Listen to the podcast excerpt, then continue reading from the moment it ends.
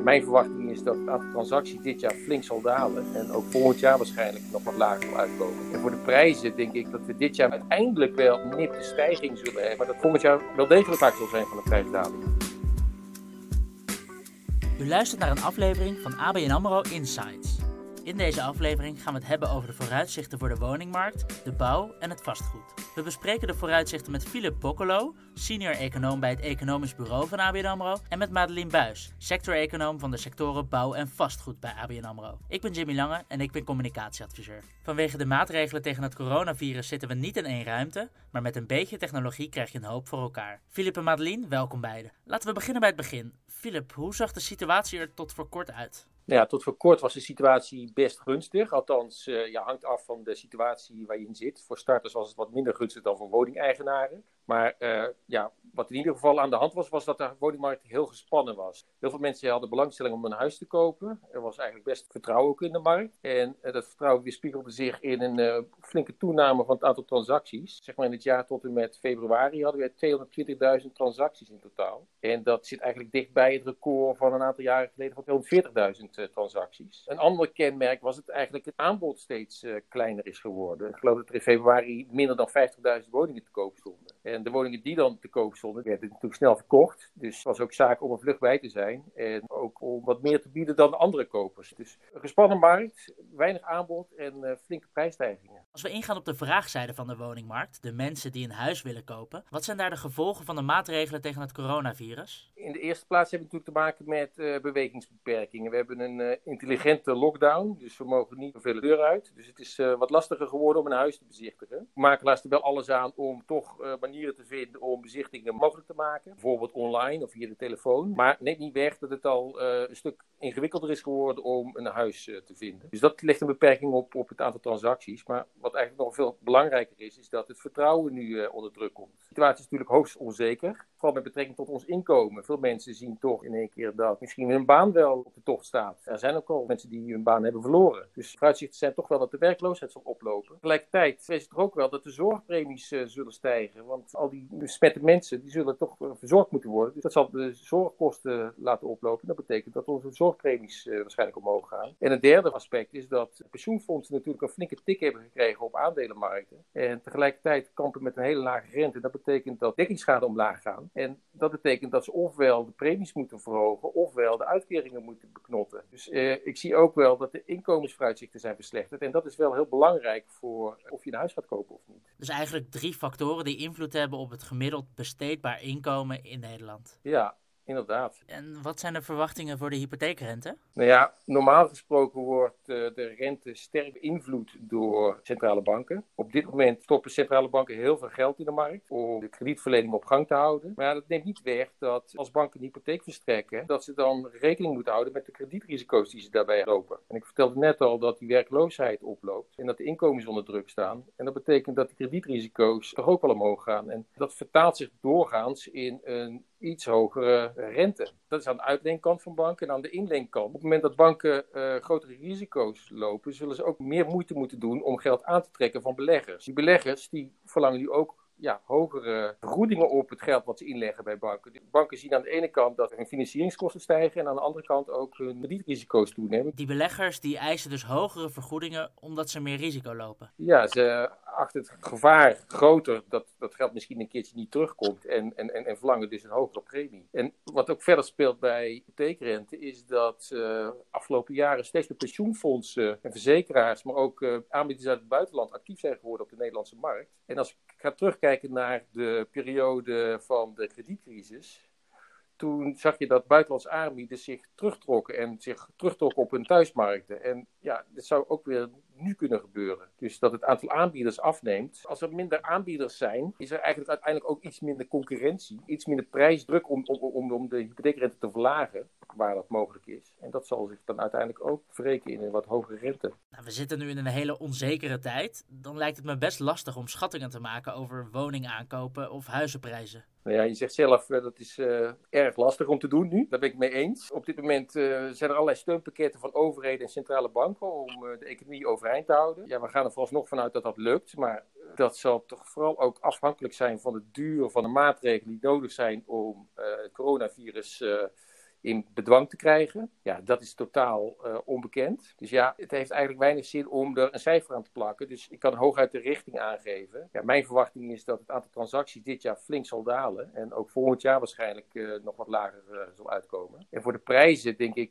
dat we dit jaar misschien nog uiteindelijk wel een nipte stijging zullen hebben voor de gemiddelde prijzen. Maar dat zal niet zozeer komen omdat de prijzen dit jaar nog verder stijgen. Maar het heeft vooral te maken met het feit dat we de afgelopen jaren hele sterke prijsstijgingen hebben gekend. Uh, en een deel van die prijsstijging van vorig jaar, die, deel, die werkt door in het gemiddelde prijsspel van dit jaar. Komt dat dan vanwege de eerste maanden van dit jaar? Nou, ook, die, die tellen natuurlijk ook mee. Maar ook stel als de prijzen vorig jaar stegen en dit jaar blijven de prijzen precies gelijk, dan heb je nog steeds een gemiddelde prijsstijging over dit jaar ten opzichte van het gemiddelde van vorig jaar. Dat heet het overloopeffect. Maar ik ga er toch wel vanuit dat zeg maar, de prijzen aan het eind van het jaar lager staan dan op dit moment. En ik ga er ook wel vanuit dat volgend jaar wel degelijk vaak zal zijn van een prijsdaling. Oké. Tijdens de kredietcrisis zagen we dat veel huizen onder water kwamen te staan, oftewel een hogere hypotheekschuld dan de verwachte verkoopwaarde van het huis hadden. Ligt dat gevaar nu weer op de loer? Ja, het zal afhangen van hoezeer die prijzen gaan dalen. En dat hangt weer af van hoezeer die economie terugvalt. Dat kan ik nu nog niet overzien. Maar als de economie heel ver terugvalt, dan zullen de prijzen ook wat verder terugvallen. En zullen er ook wat meer mensen zijn die uh, met huis onder water komen te staan. Nu denk ik wel dat het minder hard zal gaan dan uh, tijdens de kredietcrisis. En er zijn dan eigenlijk toch wel meerdere factoren voor die dat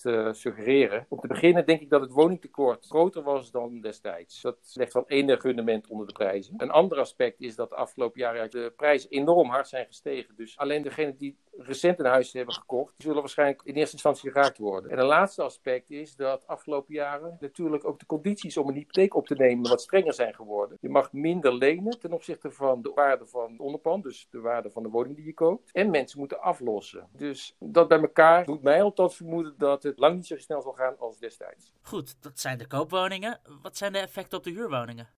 Nou, als ik kijk naar de woningvoorraad, dan zie ik dat de afgelopen jaren de woningvoorraad, het aandeel van koopwoningen is gestegen. Dat corporaties eigenlijk uh, deels woningen hebben verkocht. Dus dat het aandeel van corporaties wat is afgenomen. En die hebben eigenlijk ook heel weinig gebouwd. Daar staat tegenover dat juist de particuliere verhuurmarkt wat groter is geworden. Er is wat meer geïnvesteerd door particuliere verhuurders in huurwoningen. Ja, de grote vraag is nu wat die particuliere verhuurders nu gaan doen. Ze hebben natuurlijk verlies geleden op de beurzen. Dus ze moeten wat dat betreft hun uh, broekriem wat aanhalen. En je kunt je ook afvragen of ze nog steeds geïnteresseerd zijn in uh, verhuurwoningen. Want aandelen zijn misschien op dit moment wat aantrekkelijker geworden, omdat ze in koers zijn gedaald. En tegelijkertijd zijn de vooruitzichten voor de verhuur ook minder aantrekkelijk geworden. Want er komen bijvoorbeeld voor Airbnb uh, verhuurhuizen, er komen geen toeristen Wat ik ook in mijn omgeving zie, is dat er heel veel experts vertrokken zijn naar het buitenland. Dus dat die huurwoningen vrijkomen. Dus ook uh, die verhuuropbrengsten zijn wat minder hoog dan verwacht. Je kan natuurlijk ook aan de andere kant bekijken van, nou, er zijn natuurlijk heel veel mensen die nog uh, een huis zoeken, nog steeds. Um, en ook, ook, bijvoorbeeld ook een huurhuis zoeken. En ja, voor hen kan het juist wel gunstig zijn, want als die huurprijzen wat omlaag gaan, ja, dan, uh, dan is het misschien wat makkelijker om een, uh, een, een, huis te vinden dat ook bij je budget past. Ja, het is dus maar net met welk perspectief je daarnaar kijkt. Precies. En Filip, wat betekent dat voor die particuliere verhuurders? Ik denk dat die particuliere verhuurders zich wat zullen terugtrekken. We zitten in Nederland met een groot woningtekort. Het is toch zaak dat we uh, de woningvoorraad toch blijven uitbreiden. En als het niet de particuliere verhuurders zijn, dan zullen we misschien toch weer ons moeten verlaten op de corporaties. En hopen dat die weer wat meer gaan bouwen. Nou, mooi bruggetje gelijk omtrent het bouwen. De bouw heeft een groot effect op de aanbodzijde van de woningmarkt. En Madeline, hoe groot zijn de gevolgen van de coronacrisis voor de bouw? Nou, wij verwachten dat de bouw zeker niet zal ontkomen aan de gevolgen ja, van alle maatregelen die nu zijn genomen om het coronavirus ook in te dammen.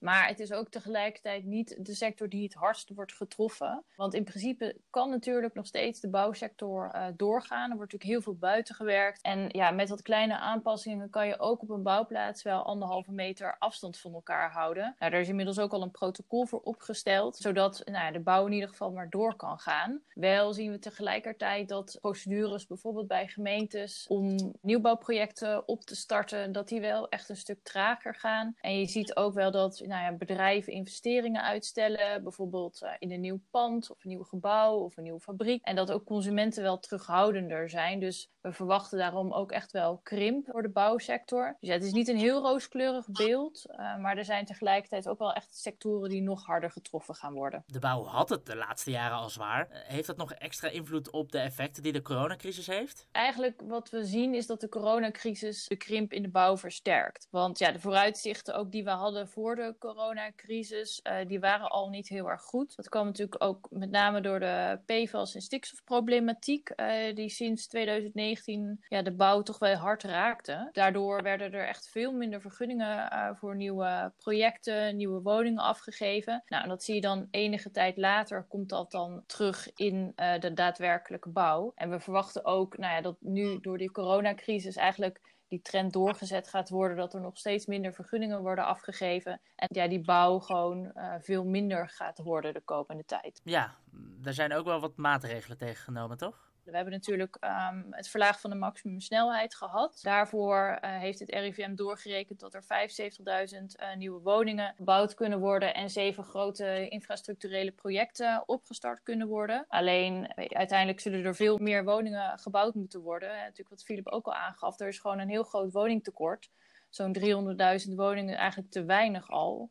En daar moeten we echt in een hoger tempo gaan bouwen. Dus ja, er, er zijn echt wel wat meer maatregelen uh, nodig. Ik heb zelf op de piek van de markt een huis gekocht en daarna heb ik het laten verbouwen ik kan me voorstellen dat mensen nu die verbouwing wel even achterwege zouden laten. Ja, dat denken wij ook. Nou ja, ik zit zelf misschien ook wel een beetje in dezelfde situatie. We hebben een vrij oud huis, dat hebben we al een aantal jaar geleden gekocht. Maar we willen het nu overal dubbel glas uh, in gaan laten zetten. En ja, dat, dat zou eigenlijk uh, nou ja, over een paar weken gaan starten. Dus dat is voor ons ook eventjes puzzelen hoe we, dat, uh, hoe we dat gaan regelen. En dat is denk ik ook wel hoe heel veel mensen daar naar kijken. Ja, weet je, wil je nog wel mensen over de vloer? Terwijl je eigenlijk natuurlijk afstand van elkaar moet bewaren. En maakt ook eigenlijk deze crisis in dat opzicht ook wel weer een beetje uniek. Want in de, de vorige financiële crisis zagen we dat eigenlijk de renovatiewerkzaamheden, nou, die hadden daar ook wel wat last van. Maar dat ging eigenlijk nog best wel goed door, terwijl de nieuwbouw echt instortte. En uh, wij zijn op dit moment dus ook echt over die renovatie wel een stuk negatiever. Omdat ja, door alle fysieke beperkingen die er nu gelden, um, is het gewoon een stuk ingewikkelder geworden om nou ja, bouwvakkers over de vloer te hebben die je huis in en uitlopen. Dus daar zal zeker ook wel echt een uh, beperking op zijn. Nou, pittige tijden natuurlijk, alhoewel je met een ander perspectief ook kansen kunt zien voor de tijd die komen gaat. Filip en Madeline, dank jullie wel voor deze korte samenvattingen van de vooruitzichten van de woningmarkt, de bouw en het vastgoed. Wilt u als luisteraar de vooruitzichten verder bekijken? Dan kan dat via insights.abnamro.nl.